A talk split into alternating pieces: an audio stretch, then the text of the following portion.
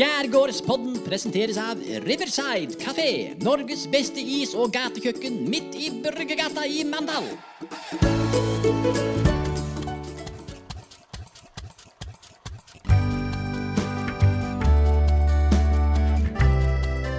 Skjærgårdspodden med Thomsen og Loland.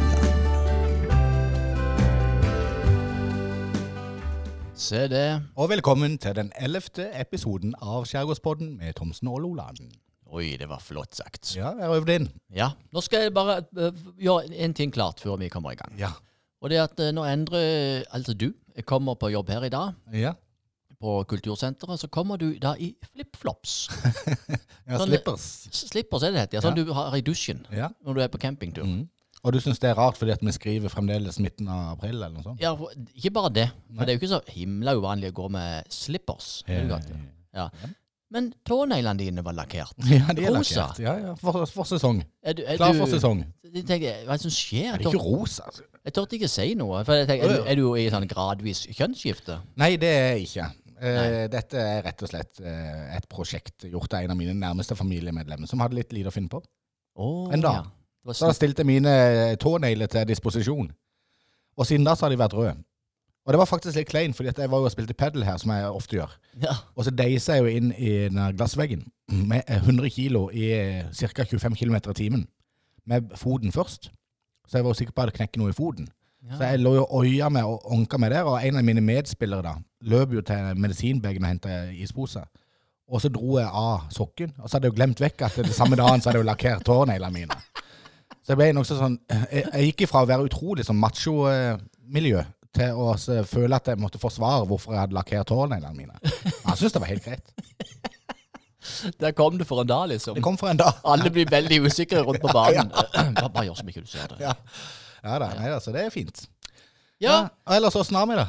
Nei, altså nå, hva har skjedd? Hva har skjedd? Eh, Du har jo hatt ei hjemmepåske, Jeg hadde hjemmepåske. som annonsert. Ja, ja, ja. Skal ikke gå så veldig dypt inn på hva jeg gjorde i påska. Det var jo fint vær, og vi benytta det så godt vi kunne Ja. her nede. Jo, jeg hadde konsert. Ja. ja. det kan jeg jo si. Det var gøy. Det, var det gøy? Det var gøy. Det var under broa der i, i Nei, Urinparken, det de kaller det for. Urinparken Arena. Ja. Altså nå som er Broparken Arena. Og Jens Ola Dampen Dampgå, Dampgås, Ja. han som uh, driver med Anna kafé, har jo døpt om, eller prøver iallfall nå å døpe om Urinparken til Broparken. Ja, det blir ikke lett. Ja. Det blir ikke lett. Nei, men det ble jo en suksess. Da. Åsmund Omliv kom etterpå og Ja. spilte, og ja, det var veldig godt trøkk. Men de har prøvd, de har prøvd altså å døpe om den der bensinstasjonen over eh, broa òg, vet du, ikke sant, som er BP. BP, ja. Ja, som er Eikås. Det er Eikås. ja. Og det har hatt Eikås, altså jeg bytta noen navn innimellom, men det har alltid hett BP eller Eikås. Kan ikke gjøre noe med det. Nei, han, han har gitt seg på det. det nå er det Eikås. Nå er det Eikås. Ja. Men Smoi heter jo eh, Smoi nå. Før kalte jo folk det for Pizzalitten. Alltid. ja, det gjorde det, ja. Det har blitt småi. Husker du Pizzalitten? Ja, når du sier det nå, jeg hadde glemt det. Så det, de har gjort en god jobb med å bytte navn. Nå ødelegger mye alt for han da, men eh, Ja.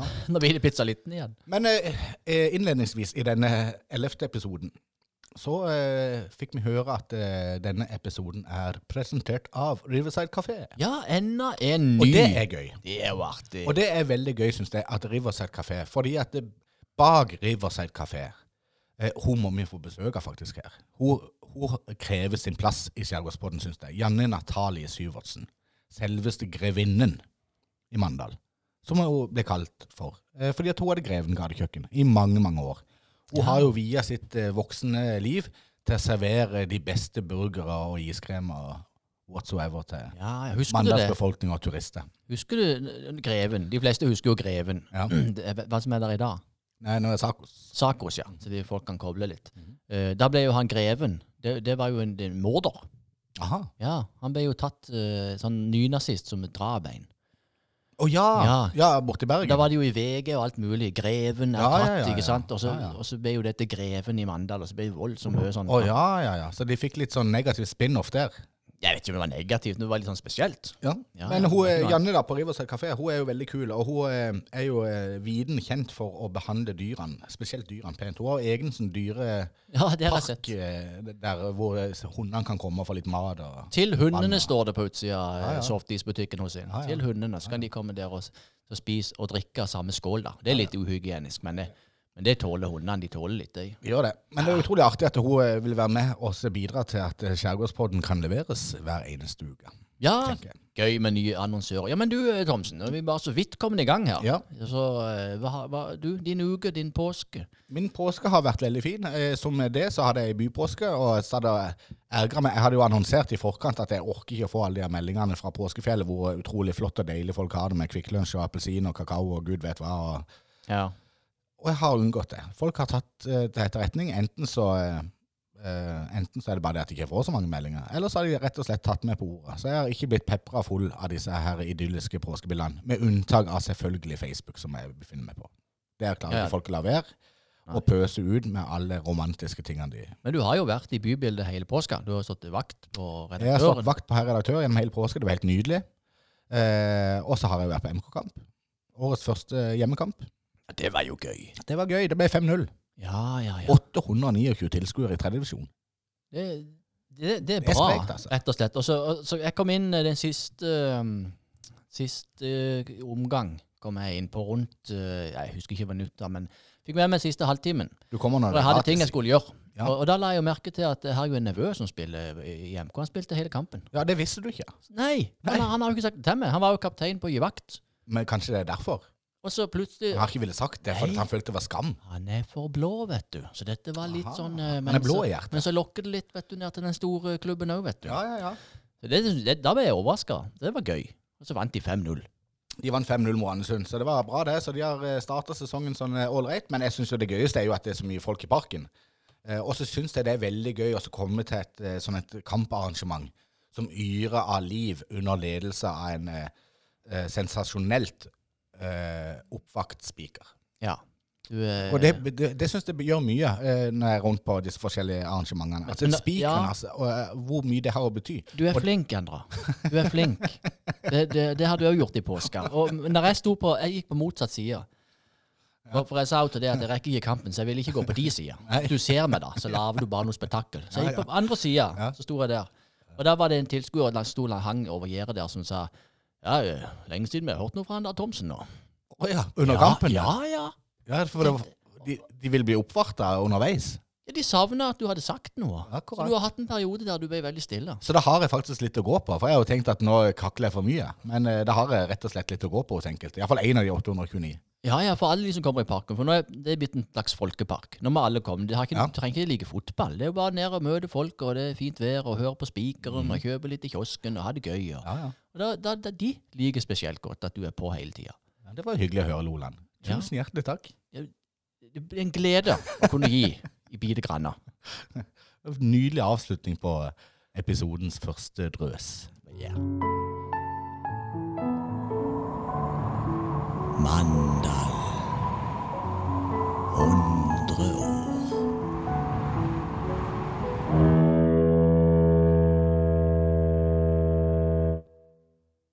Som vanlig så gleder jeg meg til historien du skal ha i dag, Endre. For det at, uh, vi, pleier å skrive ned hvilken historie du skal ha den dagen, og det blir aldri den dagen. Eller den historien. Det gjør aldri det. Nei. Men det blir alltid en historie. Det, blir, ja, Har du lagt merke til det? det er det viktigste. Hver episode har hatt historien. Ja. Òg i dag. Og som de andre gangene, ikke planlagt. Eller han er planlagt, men ikke planlagt i dag. Nei, Planlagt en annen dag. det er jo det som gjør at jeg, blir, jeg gleder meg hver gang. For, Ja. eh, Holder han planen i dag? Nei, det gjør han ikke. Gjør ikke det. Men historie blir det. I dag skal vi snakke om eh, et voldsomt fascinerende forlis. Et, et skipsforlis. Et skipsforlis eh, ut forbi Mandal. Eh, nærmere bestemt eh, med Vardeholmen. Vardeholmen Det er jo i di- di- ditt område, altså forbi Lindesnes. det er på den sida, ja. Ja. Um, og um, det er eh, altså utenfor Svinør. Ja. Ja, Vardeholmen utenfor Svinør. Er du med nå? ja. Ja. Jeg liker meg godt der. eh, Bare kjøre eh, fra Årvik over til Svinør og gjennom Sunnan. Det er veldig fint. Ja. Og vi skal tilbake i tid. Ca. 150 år. Og det er jo ikke så lenge. 160. 155 ca. Syns ikke det er så lenge. Og vi skal til et skip som heter DS Oliva. Har du hørt om det skipet? DS, det betyr dampskip. Yes. Oliva. Og det som er spesielt med dette skipet her, eh, det er at det ble bygd i Danzig. Danzig er jo i ettertida fått eh, Altså, det var jo tidligere eh, Tyskland, tror jeg. Men nå er jo det Polen, Mm. og det går under det mer kjente turistnavnet Gdansk. Sier du det, ja? Ja. Så alt henger sammen. Ja. Jeg, vet, jeg vet litt, jeg har hørt om det, når du sier det. Skipet Ol Oliva. Oliva. Mange sier Olivia, men det er ikke Olivia, det er Oliva. Og grunnen til at jeg er bekjent med det, det kommer du til, så skal jeg ikke spoile noe her, men grunnen er til min fetter Tore Grundeland. Grunn, grunnen er Grundeland. Grunnen er Grundeland. Ja. For han, de jo, han starta jo Nua brygghus, Aha, og da bestemte de seg for å lage et øl. akkurat. Og dette kan jo du alt om, så jeg skal ikke uh, si noe mer om det. Ja. Jeg regner med det kommer etter hvert. Men DS eh, Oliva det ble bygd i 1857 i Danzig. Eh, og det var eh, som DS, altså dampskip, eh, men kombinert med seil. Eh, Ja. Sånn halv, halvveis eh, seil, halvveis damp. Eh, det fins ingen bilder av dette skipet, men de har prøvd å gjenskape det sånn som det kan ha sett ut. For det levde nemlig ikke så lenge. Det levde ikke mer enn i tolv år, faktisk, alt, før det gikk ned. For det gikk ned i 1869 ut forbi Svinør, med Vardeholmen. Åssen vær var det da? Det er jeg litt usikker på, fordi at de gikk på grunn før dette, ser du. Og de fikk hjelp, eh, for de begynte å lekke, og de fikk hjelp, og det sies at det var en mann som døde eh, innimellom der, altså eh, når jeg gikk mellom to båter der, og eh, det var en tragisk historie. Og det var litt lenger sør eh, enn Vardeholmen. Og så fikk det seilt videre, men det fortsatte å ta inn vann, og de måtte til slutt evakuere. Og så sier historien noe om at det kom ut noen redningsfolk litt sånn, skulle hjelpe liksom, med, dette skipet. Men dette skipet var lasta med spesielt alkohol. Madeiravin og øl. Så det at disse redningsfolkene, det, myten sier da at de kom ut for å redde dette skipet, og så forsynte de seg av lasten Ah. såpass mye at det arbeidet ble ikke gjort, så dette, den gikk til slutt ned. Og hva, hvor kom eh, alkoholen og vinen ifra, og hvor skulle de hen? Vet du det? Eh, de skulle eh, Jeg er litt usikker på hvor de skulle, faktisk. Eh, det, det er mulig mye nøyt til å komme tilbake til det. Eh, men eh, jeg mener at det kom fra eh, England. Det kan godt være jeg ble arrestert for dette her. Og jeg tror det skulle til Russland. Ok. Eh, og grunnen til at jeg tror det skulle til Russland, var fordi at den største delen av det ølmaterialet som var om bord, det var nemlig stout. Imperial stout. Det var to typer øl. Eh, det var Imperial stout, og så var det ekstra fine bitter pale ale. Og akkurat den varianten der Hvorfor var det så gøy? Det er så gøy. Altså. Historien, Jeg vet ikke helt hvor de kom fra, hvor de skulle, men vi vet nøyaktig hva slags type øl som var på, ja, ja, ja. og vin. Jo, men det er derfor jeg tenker at det var naturlig de skulle til Russland, for russerne var veldig glad i stout. Akkurat. Eh, de, de, de, de drakk mer stout enn vann i den tida. Det var kanskje litt å gjøre med at vannet var forurensa i Russland. Så noen av disse her eh, soldater, russiske soldater sånn, de likte veldig godt stout. Så det sies at de liksom fikk importert det, og fikk det i skyttergravene, og leska seg liksom på dette. Eh, og når dette eh, forliset gikk ned i, da i 1869, så ble det liggende i 104 år før det ble funnet i sin helhet. Det ble funnet rester av det 98 år senere, altså i 1967. Det var noen som dykker, eller noen Georg Gundersen, flaskemannen Georg eh, Nei, flaskemannen, sier jeg. Eh, Froskemannen. Froskemannen eh, Georg Gundersen fant rester fra skipet, men fant ikke selve skipet. Og grunnen til det er at det skipet har flytta på seg fra der de mente det lå, og så noen meter, og så ut forbi et stup og falt ned på en 50-60 meter. Aha. Og det var det rett og slett Arnfinn Haugstad og vår kjære venn Nils Reidar Christensen som fant i 1973. Da fant de hele skipet. Så lenge siden de fant det. De, dyk, de dykka da? De dykka, Ja, ja. og de visste jo sånn cirka hvor dette lå. Og hele havbunnen Det ligger noen flotte eh, filmer på YouTube, så da er det bare å søke på DS Oliva dykking. Så finner du noen veldig fine. Det er noen engelskmenn som har filma. Hele havbunnen er full av disse flaskene. Så da dykka de ned til dette skipet. Det, det sto rett opp og ned, det skipet. Eh, det sies nå at i dag at det har kjent på tidenes tann, er det det det heter? ja. Så det er ikke samme forfatning nå, men hele havbunnen var dekka av flasker. Så de har tatt opp massevis av flasker alt mulig sånn. De tok opp skipsklokka, den er spesielt fin. Er DS Oliva. Den tok Nils Reidar de opp når de dykka ned i 1973. Så meldte de seg som hør og bør fra til jeg holdt på å si viltnemnda, men til myndighetene. Mm. For det måtte man jo gjøre. Og på den tida så var det sånn at det var seks måneder med sånn eh, innløsningsfrist. Så når de hadde meldt ifra om at de hadde gjort dette funnet, så kunne staten i løpet av seks måneder eh, gjøre hevd på det, liksom. eh, For museum og ja, ja. Men så gjorde de ikke det. Så når de seks månedene gikk, så hette det seg med lov at dette skipets last eh, og eiendeler tilhører finnerne. Så det er Arnfinn eh, Haugstad og Nils Reidar Christensen, er det jo Nils Reidar Christensen igjen, som eier den lasten. Så staten sov i timen? De sov i timen. Det var merkelig. Så denne skipsklokka er ivaretatt i Mandal, og den har jeg fått sett med mine blotte øgner. Da vi hadde et foredrag på Sjøboden for en del år siden med Nils Reidar Christensen om dette for Lisa. Vi skulle lansere denne øla som jeg kommer tilbake til. Mm. Eh, og da eh, hadde han med seg denne klokka. Den svære, flotte klokka. Og da ringte han inn publikum. Da sto han ute i bingen på utsida, og så ringte han inn. Nå starter foredraget om DS Oliva. Så brukte han den skipsklokka. Utrolig stilig. Ja, Og så kunne de komme inn, og så kunne de jo få øl òg. Da kunne de få øl òg. Eh, og det er det jeg kommer til nå. Fordi at eh, når disse historiene gikk, og det, mange har jo disse flaskene, jeg hadde flere av de flaskene sjøl på sjøboden, det var noen flotte eh, flasker, så var det dette her Nua brygghus, da, Norges sørligste brygghus, som ønska oss eh, lage og, og brygge det ølet som var om bord på DS Oliva, og kalle det for Oliva. Og de trodde i lang tid at det var en type øl eh, med altså ale. Altså Ja. brygge ale. Fordi på flaska så står det ALE. Ja, Altså det er jo ale. Mm. Og da tenkte de at ja, men det må være ale som har vært på dette her. Men så satte de i gang en ølhistoriker fra London til å se på dette her. Og de jobba i rundt et års tid med å finne ut av dette her. Så viser det seg at det ALE det sto for A Le Coq, som da oh. var bryggerisjefen for dette selskapet. Og han drev visst òg som reder. Eh, eh, og så det sto på hver, det er inngravert på hver flaske A Le Coq. Og så var det altså stout og eh, bitter pale ale. Men to, kunne flaskene. de da eh, ta opp noen av de flaskene, åpne de og helle ut ølet? og... Det kunne Lukte de, og smake? Nei, det kunne de ikke gjøre. Det var, for det var. Men det var flere flasker med innhold igjen. Eh, Noe har jo fordampa, selvfølgelig, litt sånn. Eh, men eh, de fant allikevel, via denne ølhistorikeren, så fant de ut hva, hva slags type øl det var. Eh, så de gjenskapte det mer eller mindre sånn som det var. Og det selges den dag i dag.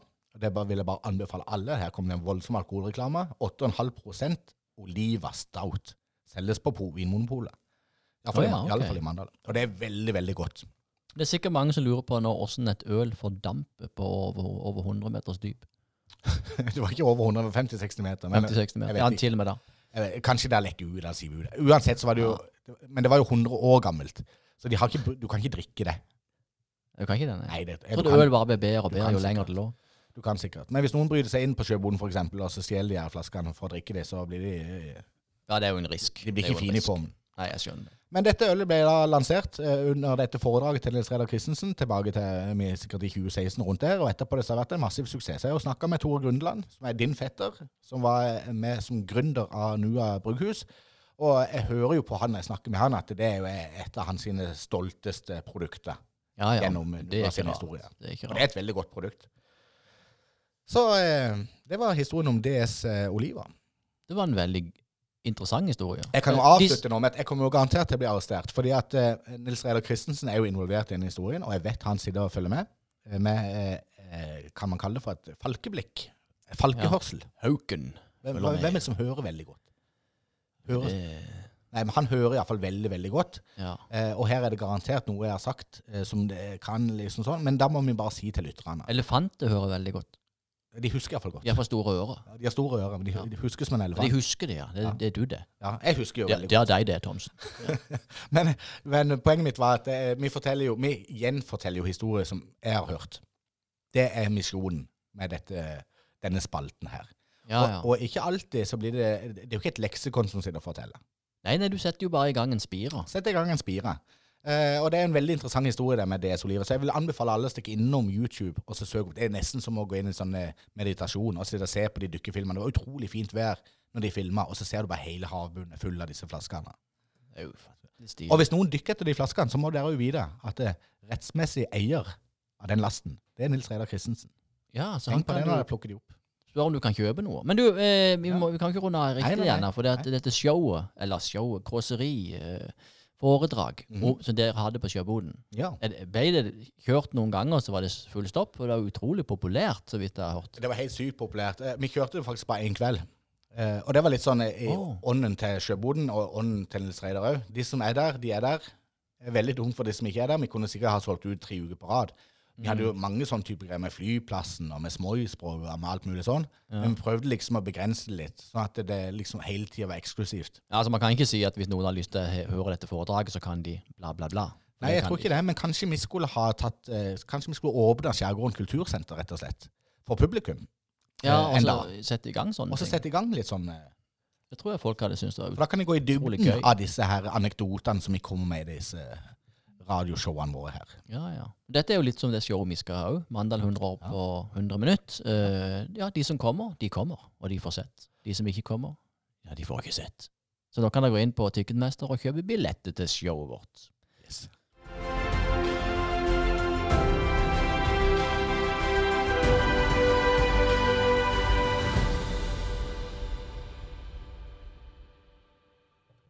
Jeg ble litt brå der på den eh, jinglesen der. Eh, Jeg måtte eh, annonsen du var i Ja, ferd med. innsalget mitt. Jeg, jeg, fikk, jeg fikk jo sagt det. Du er blitt god på det, for egentlig så du er jo ikke noen sånn typisk selger.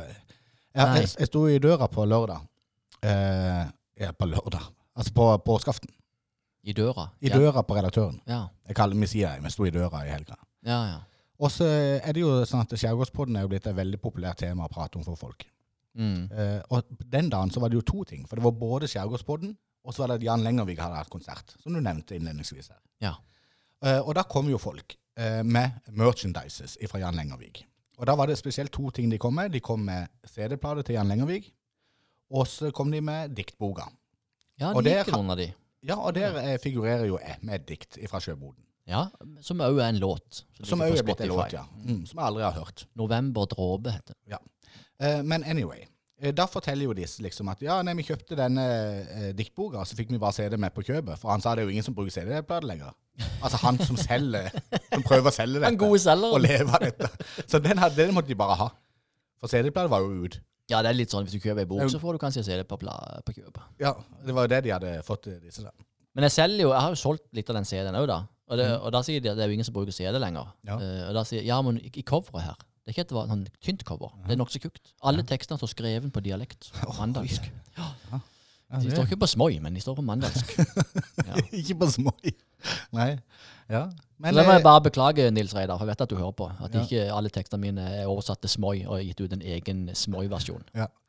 men eh, Og også kanskje gitt ut en sameversjon samisk. Jeg vet ikke. Da trenger noen til å oversette. men som utflytta eh, Ja, hva var poenget ditt? Det var ikke noe Jeg sier jo du er en elendig selger, tenker jeg. Du, jeg hadde besøk, apropos det, jeg besøk på Sjøbonden for en del år siden. Så hadde jeg besøk av Jeg tror ikke det er feil å si det. Eh, eh, Tenderleaves. En nydelig band fra Kristiansand. Tenderleaves. Tenderleaves, ja. Eh, han ene i Tenderleaves eh, det består av to stykker, så han er mest noen sånn studiomusikere. Men et nydelig band. Tenderleaves. Søk det opp på Spotify, folkens. Jeg kommer til å elske det. Det er litt sånn Nick Cave-aktig. Veldig melankolsk og fint. Men han ene vokalisten der, han, eller han vokalisten, han er veldig flink til å synge. Han heter Even. Men han var på Sjøbonden flere ganger og hadde konsert. Nokså sånn introvert type, men veldig god på scenen. Men han eh, ville ikke selge. Hadde ikke lyst til å selge noe. Så jeg husker når vi skulle lage billetter og sånn, så ja, om ikke Kan vi ikke ta 50 kroner, sier han. 50 kroner av folk liksom for å komme. Ja, vi må ha litt mer enn det, liksom, for det er jo hyra disse, liksom. Ja, Ja. men eh, vi vil ikke ta så mye. Og så sa han liksom underveis i konserten til folk at ja, nei, vi har med noen sånne LP-plater og CD-plater og sånn. Så der kan jo Nå er det jo kommet her, så der kan få ei hvis dere vil. og, og så sier liksom han makkeren at jeg tror vi må ta betalt. Ja, 50 kroner, da. og litt sånn Urmager Abrahamsen, han er jo litt samme Ulla. Han, han må vi òg få en prat med. Ærverdige, gamle Urmager Abrahamsen. Han, eh, Han er sånn som ennå kan ta 15 kroner for et stykke arbeid. han vil helst ikke ta noe særlig betalt. Eh, og jeg har jo en eh, kompis av meg eh, som heter Knut eh, Rasmussen. Han eh, var i gang og kjøpte ei klokke hos Urmar Abrahamsen. Så hadde han gått inn og kikka på ei klokke, og så hadde han likt ei klokke som han så, og så kosta den 1500 kroner. Så sier Knut Rasmussen til Urmar Abrahamsen jeg vil gjerne ha den klokka der for 1500 kroner, men da tok ikke han kort. Eh, så han måtte gå over veien og inn i plussbanken og i minibanken for å ta ut penger. Men før han gikk, så sier Urmar Abrahamsen men jeg tror vi setter ned til 1200 Ja. sa han til kunden da. Så Knut gikk i plussbanken og tok ut 1200, syntes det var en kjempegod deal. Og så kom han tilbake til Urmar Abrahamsen, så sier Urmar Abrahamsen, nå har jeg tenkt litt på det der. Jeg tror det er greit at vi bare runder av til 1000. Så Urmar Abrahamsen bare runda ned den prisen fra Han 1500 Han prøvde seg 1000. sjøl ned, liksom. ja. Veldig søren. Og litt sånn var jo han Even i Tennerlivs, og litt sånn er du òg når du bare hiver etter de CD-platene. Ja, dårlig på det. Ja. Altså. Men du, er- du, sa du figurerer jo i den boka. Flott bilde av Endre Thomsen i bar overkropp. Ja. Nydelig. Sammen med diktet 'November dråper'. Ja. Mm. Så du kan søke opp på Spotify, så får du sangen 'Novemberdråpe', skrevet av Endre Drange Thomsen. Jeg har fått båtplass. du har fått båtplass? Ja, nå skjøy det. La du merke til hvordan jeg skjøy det inn ut ifra intet? Ja, det kom ja. som lyn fra klar himmel. Jeg begynte å jobbe med å få båtplass. Jeg skulle ha båtplass i Mandal, vet du. Ja. For Og- du er utflytta mann litt. Jeg er jo utflytta, men så ble jeg jo innflytta for de slo sammen kommunene. Ja. Ja. Men nå blir jeg enda mer innflytta. Ja. Og, og blant, blant annet da med bålplass. Mm -hmm. I Endren, Endresens Løkke. Å, på Malmö. Ja. Ja. Og det tenkte jeg var så greit, for det er ferskvann og alt. ikke sant? Det er ikke for å reklamere for var bare, men jeg, var så glad for at jeg fikk en. Så da var jeg inn, ringte jeg til, til Lindesnes havn, heter det nå. Jeg Men, det men, bare, men ja. bare der, for det, nå sa du det var ferskvann der. For det er jo elv, ikke sant? ja. Eh, Men det, betyr det at da trenger man ikke sånn pumpeanlegg? Så båten kan ligge der hele året i prinsippet? Er det sånn?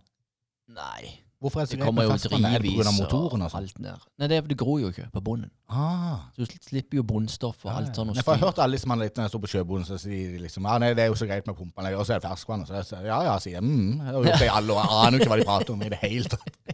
Nei, for det er jo det når du rygger båten på, på, på vann. Du setter båten på vann, så må du rygge hengeren ut i vannet.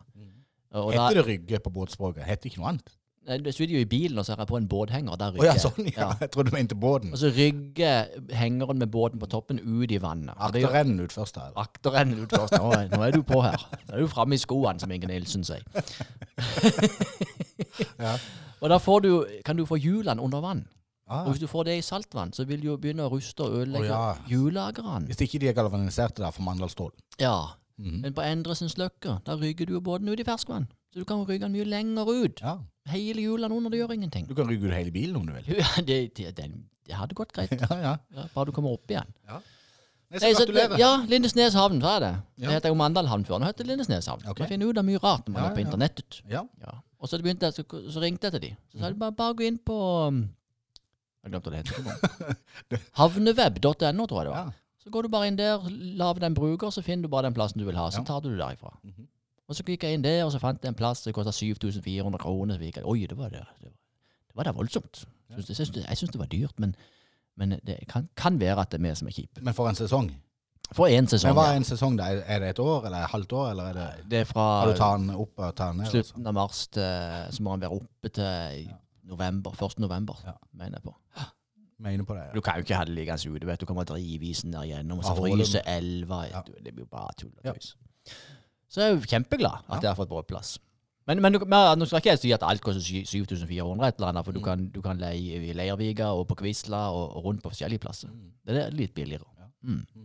Men det var, det var en gladsak, eh, Lola. Jeg vil ikke snakke noe mer om det nå. Nei, nei, nei, jeg skjønner det. Men, det var, men du hadde veldig lyst til å prate om det, for du, Ja. du er kry. Jeg hører det. Jeg er fornøyd. Det var noe av det første du nevnte i dag når vi kom her til morgenen, det var at du hadde fått til båtplass. Sant? For det, nå, Ja, ja. Du har bodd nå i mange år på Vigeland, Ja, fastland. i Lindesnes kommune. Vigeland og fastland, ja. Og da er det jo klart at det har vekka opp noen barndomsminner, dette her med at du er holdt på å etablere ja, det kan jo, ja, der har du det, ja. At man liksom Barnet sånn- kommer fram.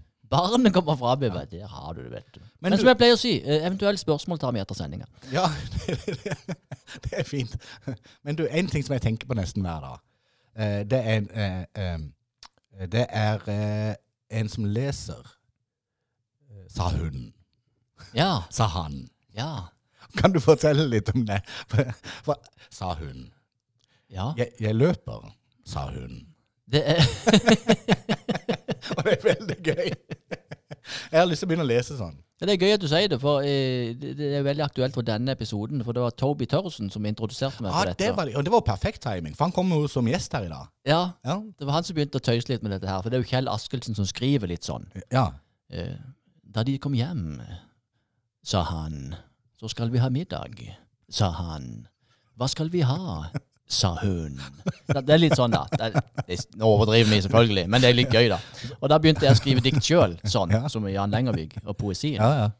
Så, og det passer jo bra, da. Ja. Han kommer jo som gjest. Ja, ja, ja. Fantastisk. Ja, det, eh, og det, det er faktisk Da renner jeg ut av løpet, for jeg har et ærend jeg må gjøre. Ja, sånn er det Så bare av og til. så dette eh, lille intervjuet eh, skal du foreta helt på egen hånd. Helt alene. Ja. Og da skal vi og, og Toby sikkert snakke en del om sa han, sa hun. Men jeg er helt sikker på at det går veldig bra, sa jeg. Det håper jeg også. Hvis jeg skal Jeg, jeg tenkte jeg skulle gå på en reise, Endre.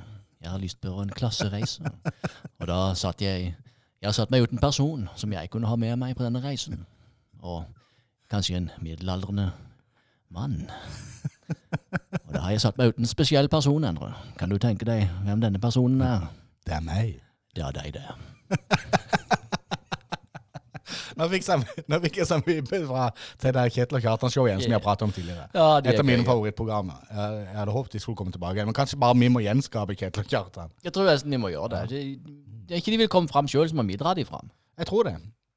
Skal vi videre? Ja, nå er det like før, for jeg hører faktisk noen som går i trappa. Flott. Eh, og det tenker jeg jo egentlig betyr at eh, ukas mandalitt er på vei inn i studio. Han er på vei. All right. Crazy foreign.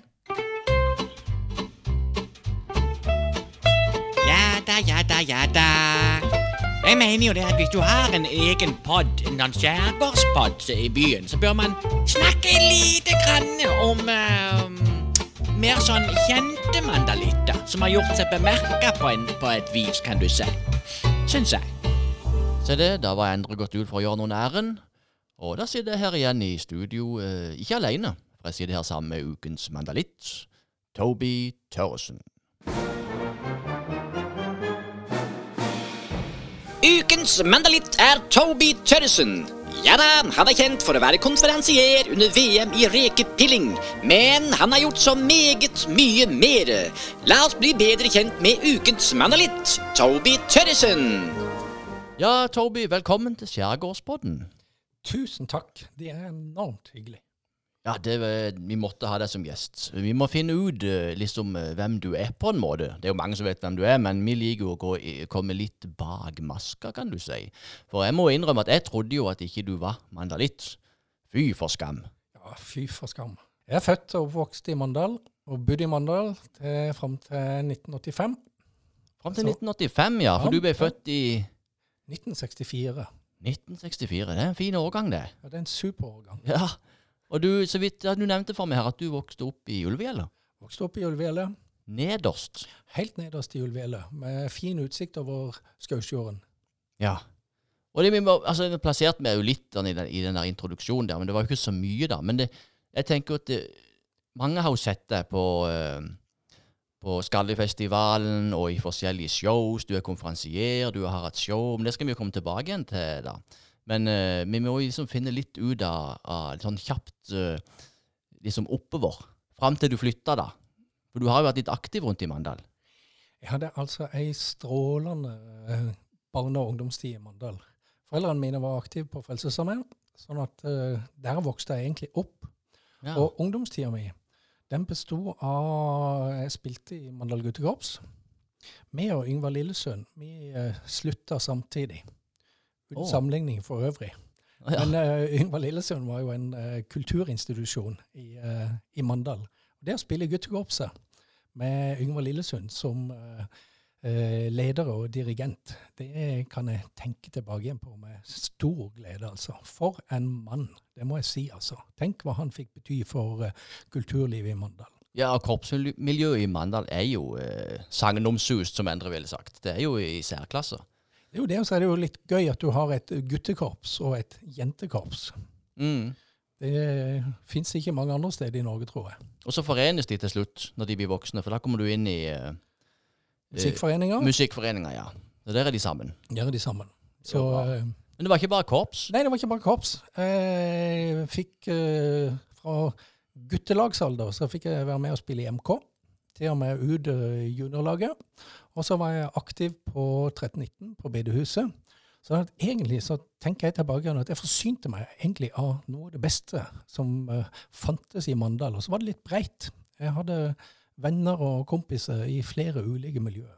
Så jeg hadde ei aldeles strålende uh, ungdomstid i Mandal. Ja, både MK og korps. Og eh, Men MHI var du ikke innom. Jeg var så vidt innom MHI, både litt friidrett og så et år med håndball. Men når jeg hadde spilt et år håndball uten å lage et eneste mål, så tenkte jeg at uh, dette er ikke sikkert du skal drive på med. To- Nei, nei, men du er vel kjent med noen der òg? Så du kjente noen i håndballmiljø og fotballmiljø og 1319 og korps?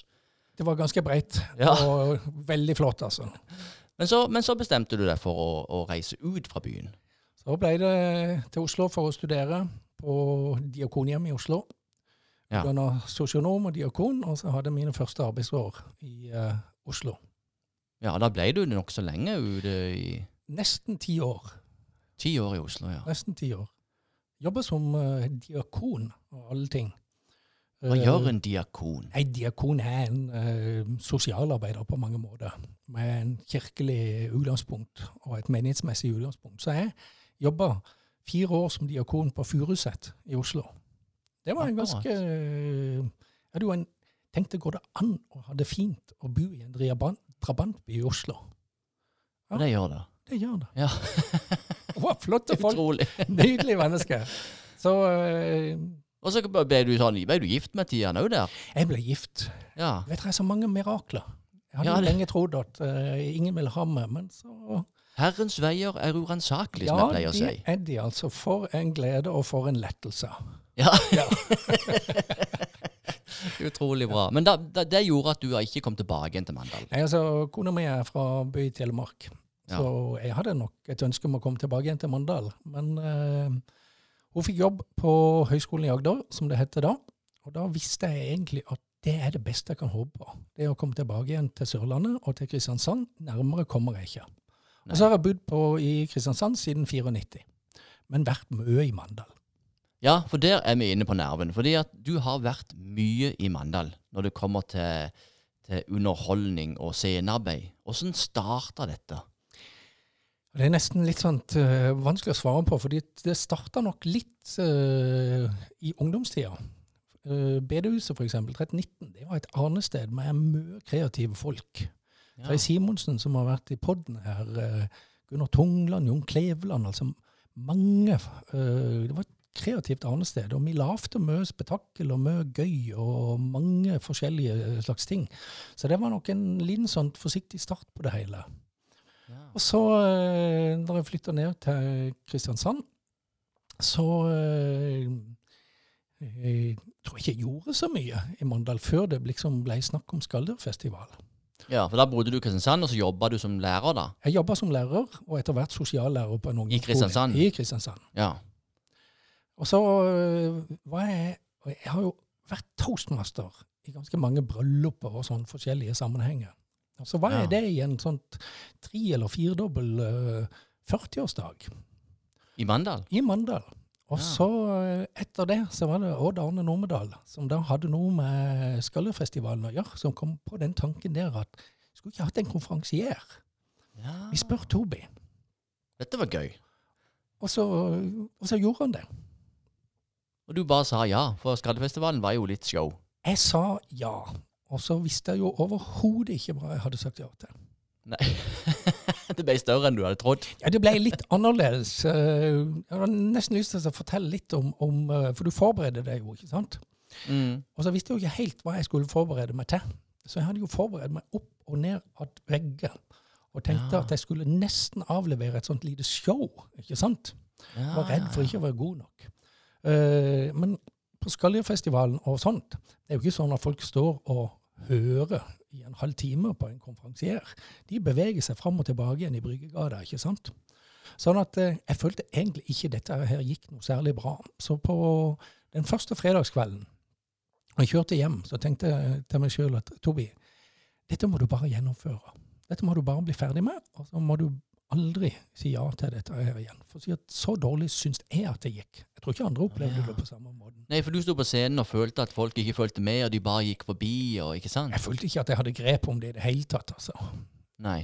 Men det du ikke skjønte sjøl, var at du gjorde en himla god jobb. Nei, eh, jeg tror ikke jeg gjorde en kjempegod jobb. den fredagskvelden. Nei, jeg tror egentlig ikke det. altså. Det var kanskje greit nok. Men så kom lørdagen, og da var det VM i rekepilling. Ja. Og da, og da øh, snudde det på en eller annen måte. Davy Vatne, uh, blant annet, uh, var med under VM i rekepilling. Og uh, så ble det egentlig veldig, veldig gøy. Så da fikk jeg den gode følelsen. Så Det gjorde at du fortsatte. ja, iallfall sånt indre tankemessig gjorde det at jeg fortsatte. Mm. Og det er jo der vi har sett deg mye på skalldyrene. På VM, i rekepilling. Men det, er- det er flere ting òg. For du var jo konferansier nå nettopp eh, under showet i Buen med Bårdbygg og Valvik og, og denne her eh, Det var sånn verdensarv Eh, nagling, eller det var? Det var klinkbåtbygging. Jeg Ja. kom inn på verdens immaterielle liste over kulturarv, på Unescos liste der. Så jeg fikk være med og lede en kveld der, og det er jo veldig gøy. Og så er det veldig gøy å løfte opp eh, eh, håndverkstradisjonen, som eh, f.eks. Valviks eh, båtbyggeri. Er, er du i ditt ess, da? Ja, nei, eh, For jeg så de, de, de hadde jo stoler på scenen og Ja. lagd en sånn, en, sånn en Lindmo-setting, da. Ja. Og så er jo du på en måte programleder og konferansier. ja, det kan jeg like veldig godt. Det er noe godt. du trives med. Ja, det trives jeg med. Og spesielt hvis du får samtalen til å gå på en litt sånn lun og humoristisk måte. Ja, for det er ikke så lett. Nei, men det er ikke så vanskelig heller hvis du har med Svein Malvik å gjøre, altså. Fordi han er jo eh, Han er ikke trygg, vet du, altså. Så da Han er ikke trygg. Nei, men på en, på en veldig eh, Og så er du eh, Du er godt forberedt. Og hvis jeg er godt forberedt, så kan jeg jo improvisere. Så da har jeg egentlig kanskje den Ja. tryggheten som skal til for å gjøre dette litt løst og ledig. Igjen så er det forberedelse som er, som er nøkkelen. Men du har gjort mer enn å være konferansier, for du har vært skuespiller og revyskuespiller. Med eget eh, show, humorshow, i Kristiansand. Og i Mandal. Og i Mandal. Ja, for Ja. jeg hadde først i Kristiansand. Vi hadde først i Kristiansand. Ja. Ja, det var Fortell om det showet der, i 2014. I 2014, Uh, to menn og mangt. Erik Dale, Uh, Peder fra Froland, i, uh, fra Lillelørdag, som mange Ja. husker han som.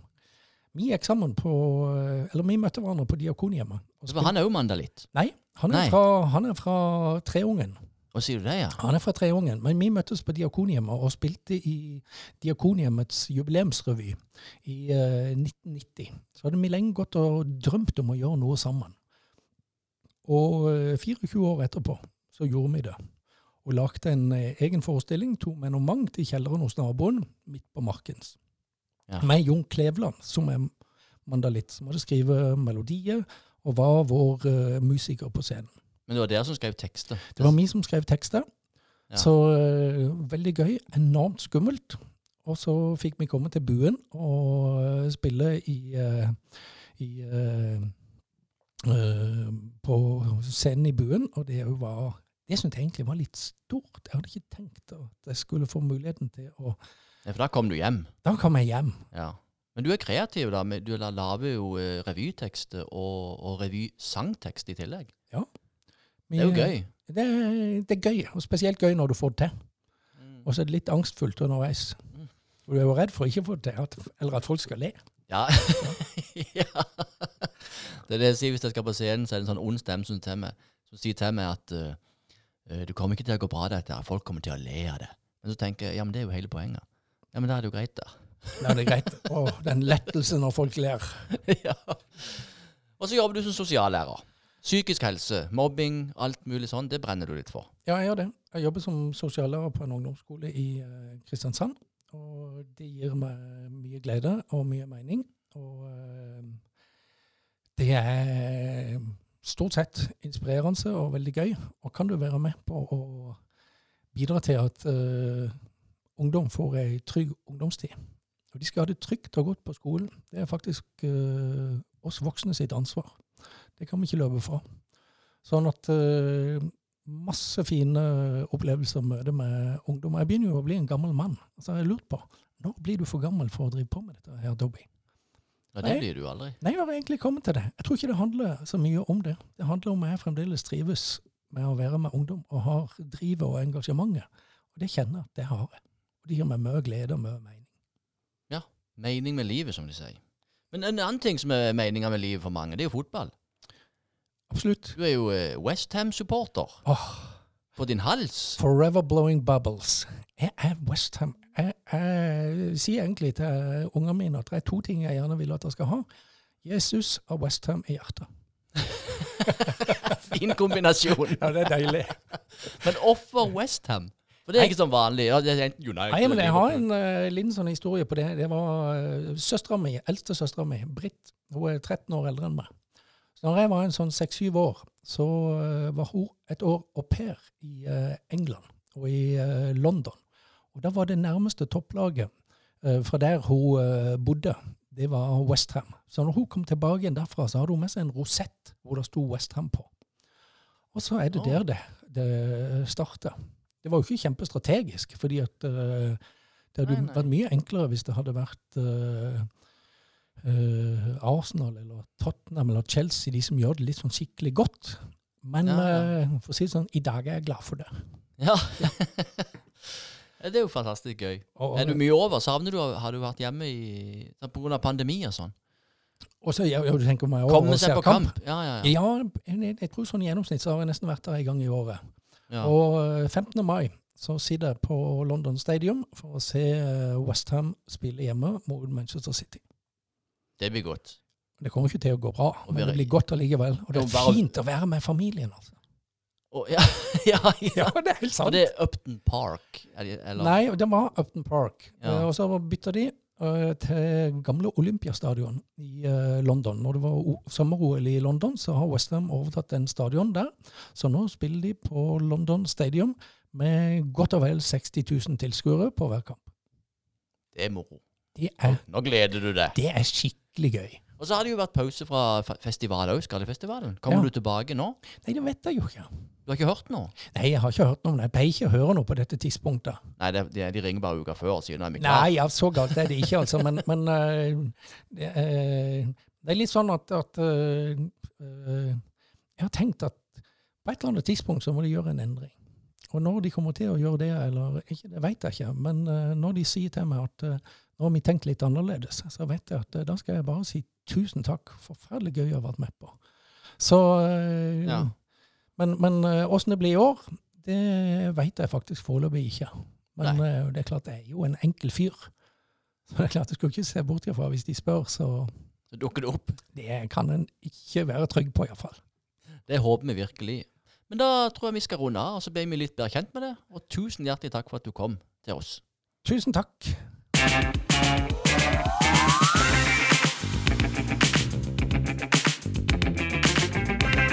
Ja, jeg fikk jo så vidt hilst på han før jeg måtte dra, han Ja. godeste Toby. Det er en artig skrue. Det er en veldig artig skrue. Ja. Så vi har kost oss her mens du eh, gjorde dine ærend. Nå aner jo ikke hva dere har prata om, men eh, eh, jeg Det, vet du, det, det finner du bare ut med å høre på podden. Ja, det er jo det. Så Eh, kos deg med den. Jeg har ennå ikke gjort det. Jeg får ikke til det. Men jeg hører på introene. Hver intro hører jeg på. Presentert av. Ja. Og så skrur jeg av. Rett før jeg skal Da begynne å snakke. Nei, det orker jeg ikke mer. Jeg orker ikke høre min egen stemme på radioen. Nei. Um, men det jeg skulle si da om uh, Toby, uh, som ikke jeg kjenner spesielt godt, men uh, vi har allikevel en lidenskap sammen. Det er mulig dere har prata litt om det i denne, dette intervjuet, det vet ikke jeg, men det er jo lidenskapen for engelsk fotball. Ja. For han er jo enorm Westham-supporter. Westham. Og det er jo i Øst-London, og jeg holder meg jo litt mer oppe i nord. Eh, altså ikke- Jeg vet at det er Arsenal. Arsenal, ja. Ikke Tottenham, men argeste konkurrent Arsenal. Så vi, liksom, hver gang vi møter, så er jo det et slags tema, da. Ja, Mm, sa jeg. sa hun. Men det er artig å ha besøk av disse her eh, karakterene, for vi kjenner de jo Altså, de fleste liksom Det er jo ikke sikkert alle kjente Toby Tørresen, men de fleste kjenner jo til konferansieren på Ja, Skallefestivalen. har sett bilder og Ja, sett han på scenen. Og. Gøy å komme litt uh, Litt grann i dybden. bak masken. Ja, vi dykker ned under overflaten for å bruke det maritime skjærgårdsspråket. Ja. I tare og tang, der vi finner Toby og Lang. Det var da voldsomt. Ja, men uh, hvor står vi? Hvor er vi? Det er det jeg lurer Der på. vi er nå. Vi Mm. skal over til det som er blitt eh, en av våre eh, nye faste spalter. Ja. Det er jo denne spalten vi starta med først i forrige sending, i forrige uke. ja. Som jeg liker å kalle for uh, bjeffespalten. Det er jo ja. Vi kan ikke bare være glade og blide hele tida. Vi må få ut noe òg. Vi skal trene oss på det som, Ja. som sørlendinger. Ja. Og det, derav denne spalten. Hva i helsike holder du på med? Hva i helsike holder du på med?! Hva i helsike holder du på med?! Han er jo brutal, den jingelsen der, eh, Lola. Ja, han er det. Til å være sørlandsk så er han veldig brutal. Ja, Det var ikke noen andre på kontoret som spilte inn den jingelsen. Nei, eh, Hvis det var det, så trodde de vel at det skjedde det ene og det andre oppå her. Ja. ja. Men vi er kommet til Hva i helsike er det du holder på med? Ja, så skal vi over i siden av bolken. Ja. Ja, og hva- hva- min, min sak nå, Mhm. det er rett og slett legevakt. Ja. Ja. Og, og misbruk av legevakt. Ja, for nå har jeg vært i kontakt en del med, med helsevesenet, og, og det er mye køer. Veldig mye køer, mye venting. Mhm. Og, og når pandemien brøt ut, Ja. så oppdaga de plutselig at eh, venteværelsene var tomme. Aha. Ja, For folk turte ikke gå, på, gå til legen fordi at de var redd for å bli smitta med korona. Ja. Ja, Og det er jo et godt tegn på at du har ikke noe der å gjøre. Aha. Nei, Så folk fyker på legevakta altfor mye uten å ha reelle problemer. Aha, så de opptar tida egentlig til folk som virkelig har problemer? Ja, så det er min vei. helsike holder det... du på med når du går til legen uten å være ordentlig sjuk. Ja. Ja, Du kan ikke løpe ned legevakta. Nei. Nei. Har du møtt mange av disse menneskene nå i det siste, sier siden dette, du, du agerer litt nå? Sånn, du, har du Nei, som sett, har du sett sa- disse hypokonderne som opptar tida? Ja, det er jo hypokondere, Ja. rett og slett. Ta dem sammen. Mhm. Jeg har ikke møtt dem, nei da. Men jeg har opplevd at det har vært mye kø når jeg sjelden gang kommer opp i dette helsevesenet som jeg ikke jeg bruker. Jeg bruker jo, ja da. Skal ikke stå sånn at jeg ikke er sånn mann som de går oftere til legen og Nei, altså, vi må lære å ikke alltid lytte så mye til kroppen vår. Ja, og så må vi, tror jeg av og til, vi må jo se at andre folk kanskje har det verre enn oss sjøl. Ja, Ja. altså slipp nå folk fram i kø som venter på alvorlige altså på operasjoner og det hele tatt. Og så, Ja, ja. le- altså, ikke lytt så mye til kroppen. Nei. Nei, Jeg kjenner, jeg kjenner jo en mann som, eh, apropos det der med å vise empati for andre, at det her er det kanskje noen andre som har det verre enn en sjøl. Eh, så jeg kjenner jo en mann som fikk kreft, og så var han på sykehus, og så kom han hjem, og så hadde han vært på sykehus i flere dager, og så sier naboen til han Å ja, du, jeg har ikke sett det på lang tid, og liksom. Du har holdt på med i det siste? Nei, du ser jeg har fått kreft, så jeg har vært på sykehus. Jeg tok av meg fire-fem kilo. Det var ikke så greit, liksom. Ja, jeg tok av meg tolv kilo forrige gang jeg var på sykehus. Det var svaret. Det var svaret. Ingen empati, ingen sympati. Nei. Nei, men jeg, jeg Men misforstå meg rett, da. Altså, det er sikkert at folk altså, Er du sjuk, så er du sjuk. At Ja. Du må sjekke ut åssen det går. Men, men ikke, ikke misbruk legevakta. Og så er det noe med det at det, det liksom eh, eh, Jeg hadde en gammel fotballtrener i Runar Holte som hadde litt sånn tysk disiplin. Jeg likte han veldig godt, for vi var aldri i tvil om hva vi skulle gjøre på fotballbanen. Vi måtte bare løpe og kjempe ordentlig. Og så ble vi veldig gode òg. Men da husker jeg en gang jeg var på Vi spilte i Flekkefjord et eller annet sånt, og så hadde jeg vært oppe i en hodeduell, og, så, og det, jeg vant jo aldri en hodeduell, så jeg vet pokker hva jeg gjorde i den duellen. Det var helt meningsløst. Jeg merka når jeg gikk opp for å heade, at Ja. dette kom til å gå galt. Du hoppa bare. Og da kom det jo en sånn en bonde fra Flekkefjord på 2,10 ikke sant? og deisa rett inn i tinninga mi, så jeg var sikker på at jeg hadde fått kraniebrudd. Og blodet sto alle veier. Ja. Så jeg gikk ut til Runa liksom, helt sånn i toga, liksom. Også. Jeg, det, jeg greide ikke å telle fingrene, Hvis det ikke var stillinga var, ingenting. Og så sier Runa Holte at ah, du må ikke kjenne sånn etter. Så der mente jeg jo faktisk at jeg, da hadde jeg forsvart en plass på legevakta. Fikk jeg- mente Runa at det var andre i verden som hadde vært med. Måtte ikke kjenne sånn etter. Spille videre. Og det gikk greit. Ja da, det gikk greit. Ja, Det er sikkert delte mening om det gikk greit eller ikke. Men jeg har jo en bjeffesak. Har du en bjeffesak? Ja, Det har jeg, det har, jeg har en bjeffesak som går ut til alle eh, de uniformerte menneskene i landet som eh, går utover sine oppgaver. Og da sikter jeg nå i dag helt spesielt til parkeringsvakter. Å, jeg trodde ikke vi var så inne på de lenger. Nei, eh, egentlig, egentlig så er jeg godt fornøyd med dem. Eh, men det er et par ting som plager meg.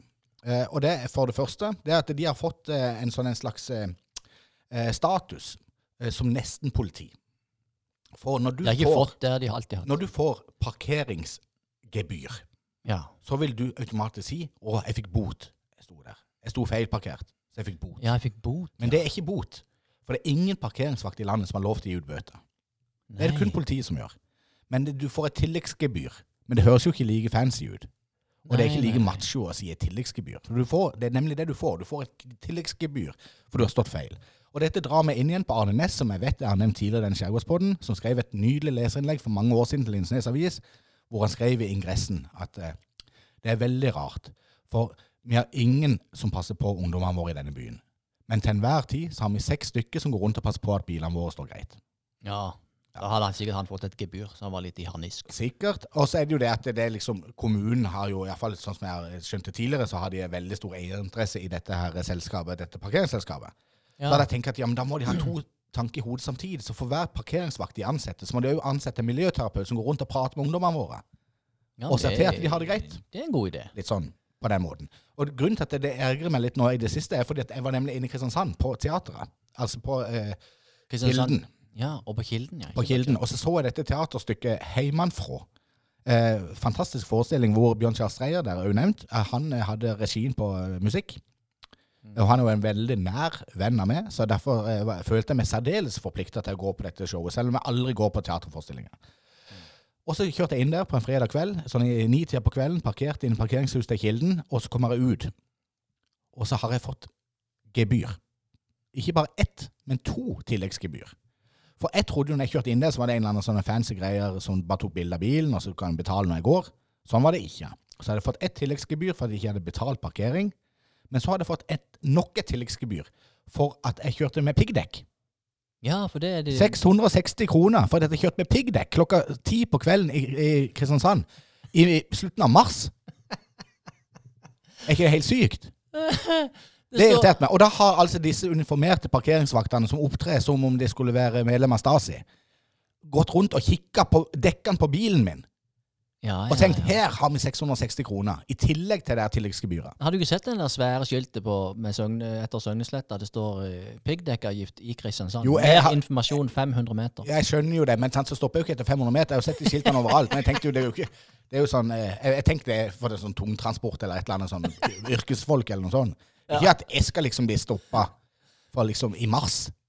Hvis jeg ville på hytta, så må jeg jo kjøre med piggdekk. Skal jeg ta de av hver gang jeg kjører inn i Kristiansand? Eller kan man betale seg unna det Ja, i forkant? Det er det som er poenget. Ja, du betaler avgift. Nå kjenner jeg at sinnet ble moderert. Nå sanker skuldrene litt.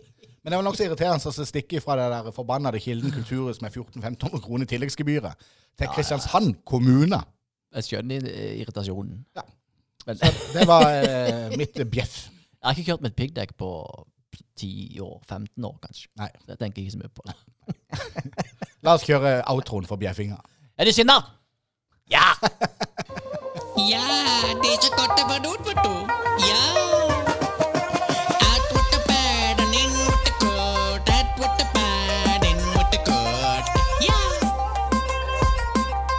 Det Fikk, eh, jeg fikk Ja. en akutt trang til å be om unnskyldning Jeg til Kristiansand kommune.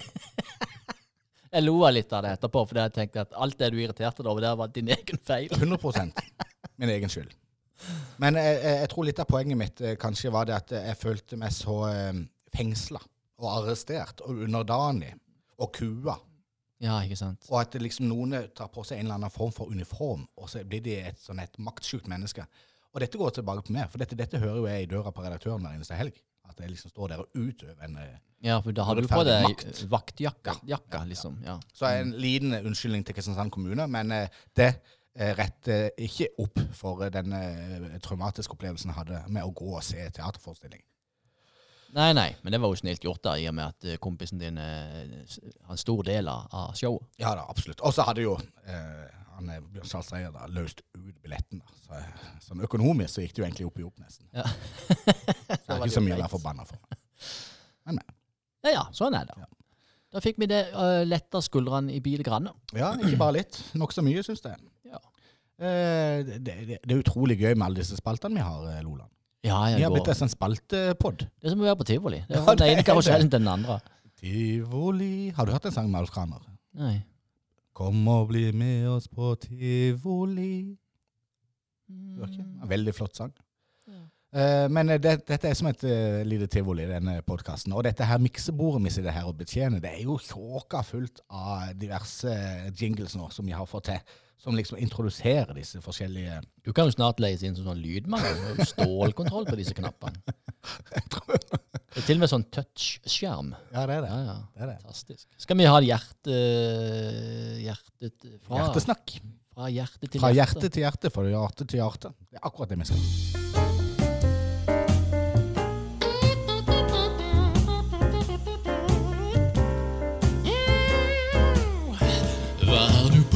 På hjertet?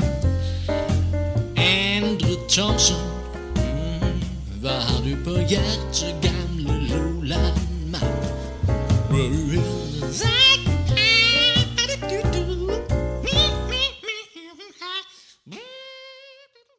Ja. Ja. Jeg har eh, en hjertesak i dag. Det var da enda godt. Ja. Og den eh, kom jeg egentlig på i natt. Fordi at jeg, hadde, jeg har jo nokså sånn ujevnt eh, døgnrytme, for å si det mildt. Er veldig glad i å være våken når alle andre i verden sover. Det syns jeg er veldig trygt og fint. Mm. Eh, og da så jeg en dokumentar om et mannskor eh, som jeg anbefaler på det sterkeste. Eh, han ligger på NRK nett-TV, Ja. eh, og den heter For vi er gutta. Oh. Og det er et mannskor eh, som holder til i Oslo en plass. Og så ser jeg i det mannskoret, så er det jo mange kjente fjes. Altså han er der Preple, han er med i det koret. Og de der to gøyingene i NRK som kjører rundt i Europa lave lager påskenøtter der, der. You know who I'm talking about. Ja, ja, ja. Uh, Skulle ønske jeg bare kunne si navnet, men jeg er jo dårlig på Rune Gokstad og Ja. eh, og han Geir Skau var med. ja. Jeg har Så, sett de ja. Ikke den dokumentaren, men jeg har sett de med i koret. De har holdt på i mange år. Og så hadde de jo da en eh, dirigent eh, som het Ivar Krog, eh, Ja. som ble veldig syk. Han fikk kreft. Han hadde ledet de i ti år.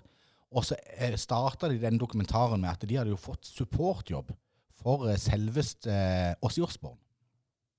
Åssi Osborn skulle spille på Tons of Rock i Halden.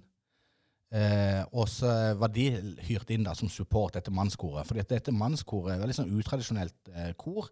De sang mye Jokke blant annet, og Raga Rock, og så, altså litt sånn eh, rocka ja. versjon av ting og tang.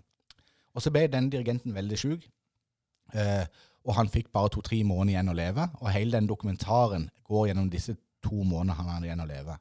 Og så dør han da ni dager før Tons of Rock. Og da begynner de liksom dette supportoppdraget med å synge 'Gutta' med Jokke Valentinerne. Mektige greier.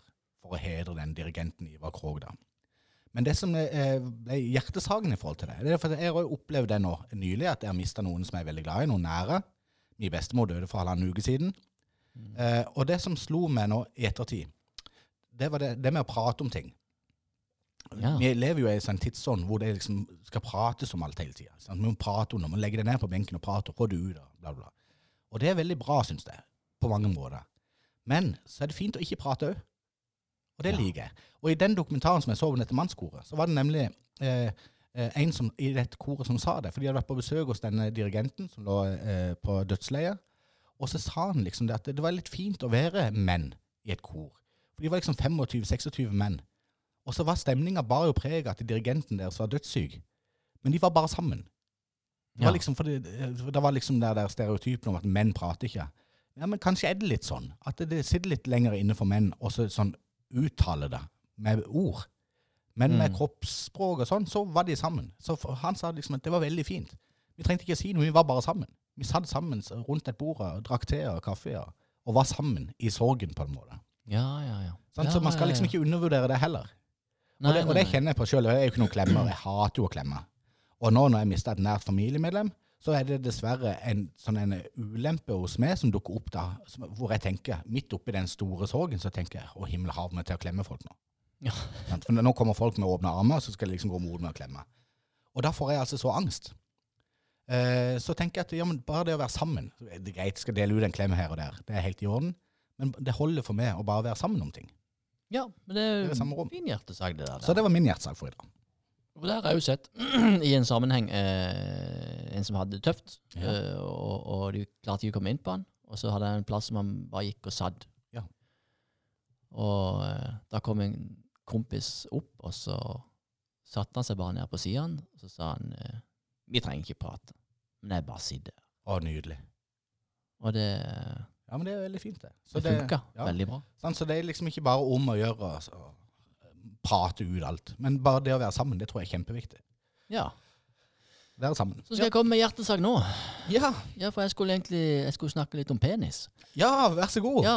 Kjør på. eh, Fra flatulens til penis. Fra det ene til det andre. Ja. Jeg tenkte jeg skulle snakke grann, litt grann om penis da, og penisstørrelse og Aha. forskjellige oppfatter, og glede mm -hmm. uh, over dette, dette lemmet. Mhm. Ja, og hvordan det oppfattes forskjellig. Og, og jeg er jo veldig opptatt av at vi er i samme alle sammen. Ja. Og, og så jobba jeg sammen med en for det er mange sikkert 15-20 år siden, og han var sånn veldig opptatt av penis. ja, det er ikke en du jobber med sammen med nå? Nei. Daglig, Nei. det er jo greit å vite for meg som sier det. Jeg ble nesten litt sånn satt ut, for det var så, vi, altså, vi skulle liksom eh, snak, fortelle hverandre eh, Skjønner du? Mhm. Ja, din penis, da, åssen er den? okay. Stor er den, han er liten, og stor er den, han er stor. Så Det, det ble veldig nærtagende. Jeg, jeg svarte i grunnen aldri på det. Nei, du gjorde ikke det. Nei. Nei. Så, så, men det Men fortsatte han monologen sin da om det?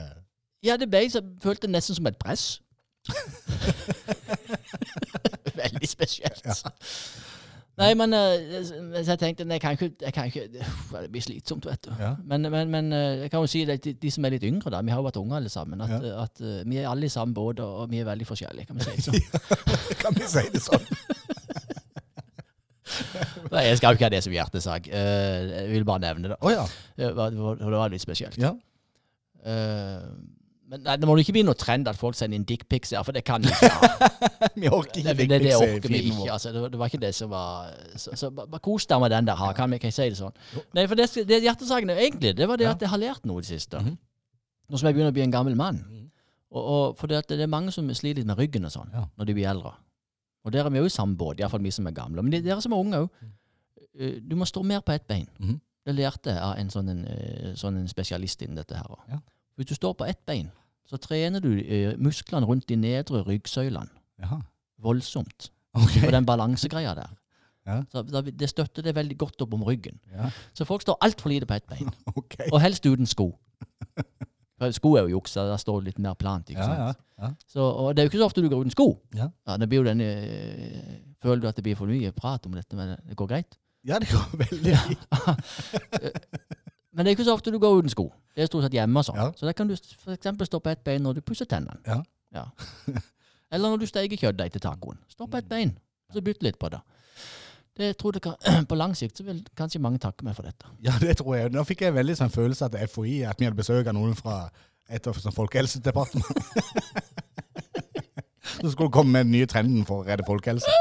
Ja, jeg trodde du skulle si Der kan det jo være en oppfordring å kombinere det. Du kan stå på ett bein mens du koser deg med penis. ja, Vi kombinerer de to hjertesakene dine. Ja, men Tusen takk for hjertesaken eh, din, Loland. Og takk til undertegnede. Da runder vi av.